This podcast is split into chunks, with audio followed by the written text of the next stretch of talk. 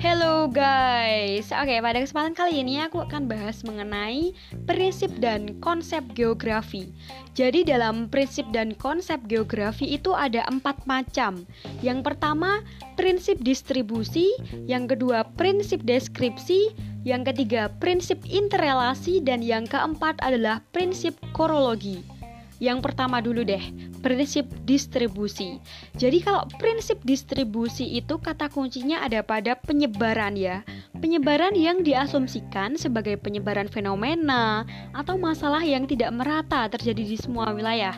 Contohnya adalah misalnya fenomena suatu wabah penyakit tertentu atau uh, wabah penyakit pada kasus penderita jumlahnya berbeda-beda antar wilayah bahkan wilayah lain mungkin tidak dapat tidak terdapat wabah penyakit tersebut. Itu salah satu contohnya.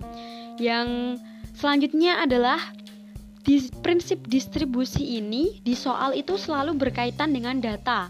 Misalnya adalah wilayah yang luas seperti negara, provinsi yang berkaitan dengan fenomena tertentu. Lalu data akan mudah dianalisis dengan alat bantu berupa peta.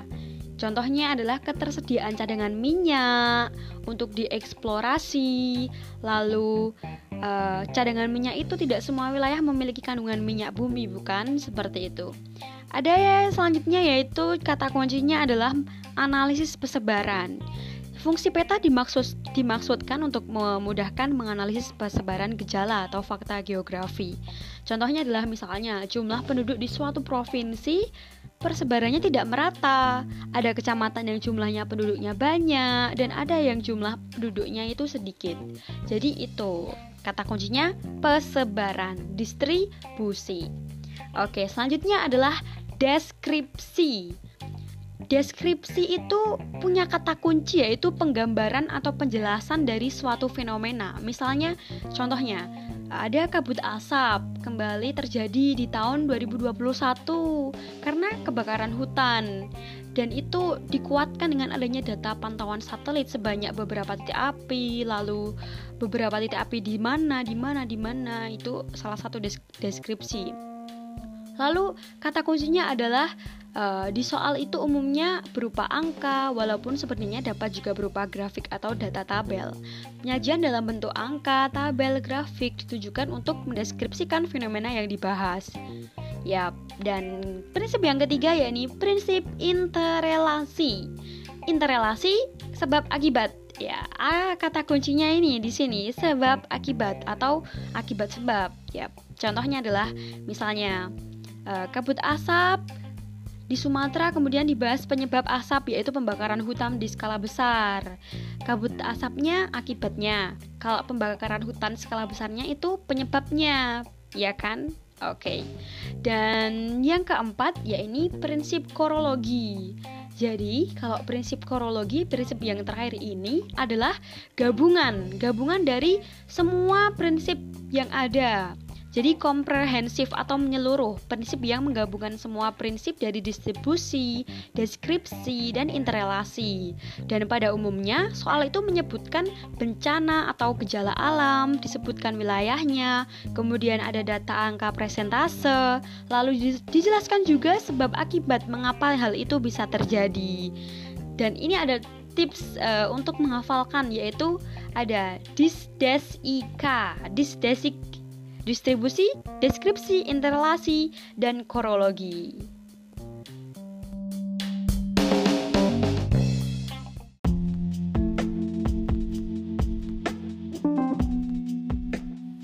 Halo teman-teman semua, pada kesempatan kali ini aku akan bahas mengenai konsep-konsep geografi. Ternyata di konsep geografi ini ada 10 macam, beda ya dari prinsip. Kalau prinsip itu ada 4, kalau konsep ada 10. Yang pertama, konsep lokasi, yakni konsep yang berhubungan dengan tempat tertentu. Di konsep lokasi ini ada dua, yakni absolut dan relatif. Kalau absolut itu berkaitan tentang lintang atau bujur tertentu berapa gitu. Lalu kalau konsep relatif itu kaitannya tempat dengan tempat lain. Contohnya Indonesia di antara benua Asia dan Australia. Ya. Lalu ada konsep jarak. Konsep jarak ini adalah perbedaan jauh atau dekat dua objek yang akan mempengaruhi aspek lain dalam suatu gejala atau fenomena geografi. Dan di konsep jarak juga ada dua, yakni konsep absolut lagi, ada ada absolut lagi ya teman-teman, yakni contohnya adalah satuan panjang, satuan jarak dan lain sebagainya, dan ada konsep relatif, lebih ke waktu kalau relatif. Yap. Lalu ada keterjangkauan. Kalau konsep keterjangkauan itu merupakan kemudahan atau ketersediaan sarana dan prasarana, kemudahan untuk mencapai suatu objek. Kemudian ada konsep aglomerasi. Konsep aglomerasi ini lebih mengungkap kecenderungan manusia untuk mengelompok, kecenderungan untuk berkelompok-berkelompok seperti itu. Lalu, ada konsep morfologi, yakni Konsep morfologi itu bentuk-bentuk di permukaan bumi akibat proses alam atau kegiatan manusia. Selanjutnya adalah pola. Pola itu susunan atau penyebaran fenomena di bumi atau kita bisa lihat dengan pola susunan keruangan yang terbentuk. Contohnya pola migrasi, pola pemukiman, pola tanam, dan lain sebagainya. Lalu ada konsep interaksi yakni hubungan timbal balik atau sering ketergantungan antar wilayah. Kemudian adalah konsep kegunaan. Konsep kegunaan ini kelebihan yang dimiliki suatu tempat atau wilayah. Lalu konsep diferensiasi yakni keunikan atau karakteristik khas dari suatu wilayah. Jadi tempat lain nggak ada yang kayak gitu teman-teman. Dan yang terakhir adalah konsep keterkaitan, hubungan antar wilayah yang mendorong terjadi hubungan sebab akibat.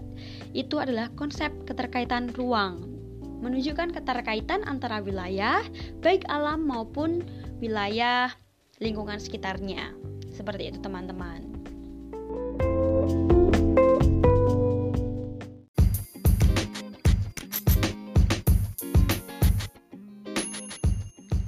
Hai teman-teman. Aku kesempatan kali ini mau bahas mengenai pendekatan geografi. Kalau tadi kita udah bahas prinsip, ada konsep Kalau ini pendekatan geografi. Ini sering banget ya keluar terutama pada SBMPTN atau ujian-ujian kelulusan itu ditanyakan pendekatan geografi. Pendekatan geografi itu ada tiga. Yang pertama pendekatan ke ruangan atau spasial, yang kedua pendekatan ke lingkungan atau ekologi, dan yang ketiga adalah pendekatan kompleks wilayah atau regional. Untuk yang pertama, pendekatan ke ruangan atau spasial. Pendekatan ke ruangan ini menganalisis gejala geografi berdasarkan penyebaran dalam ruang. Analisis keruangan merupakan pendekatan yang khas dalam geografi sebab membahas aspek-aspek keruangan meliputi faktor lokasi, kondisi alam, dan kondisi sosial budaya masyarakatnya. Pendekatan keruangan dapat dijadikan dasar untuk merencanakan penggunaan lahan tertentu. Seperti itu, teman-teman. Lalu yang kedua adalah pendekatan ke lingkungan atau ekologi. Pendekatan ekologis ini menekankan hubungan antar makhluk hidup dan komponen lingkungan hidup lainnya. Lalu yang ketiga ada pendekatan kompleks wilayah atau regional. Pendekatan kompleks wilayah merupakan gabungan antara pendekatan keruangan dan pendekatan ekologi. Jadi gabungan sebelumnya ya teman-teman, antara spasial dan ekologi yakni pendekatan untuk membandingkan berbagai kawasan di muka bumi dengan memperhatikan aspek-aspek keruangan dan kelingkungan dari masing-masing wilayah secara komprehensif. Seperti itu, teman-teman. Terima kasih.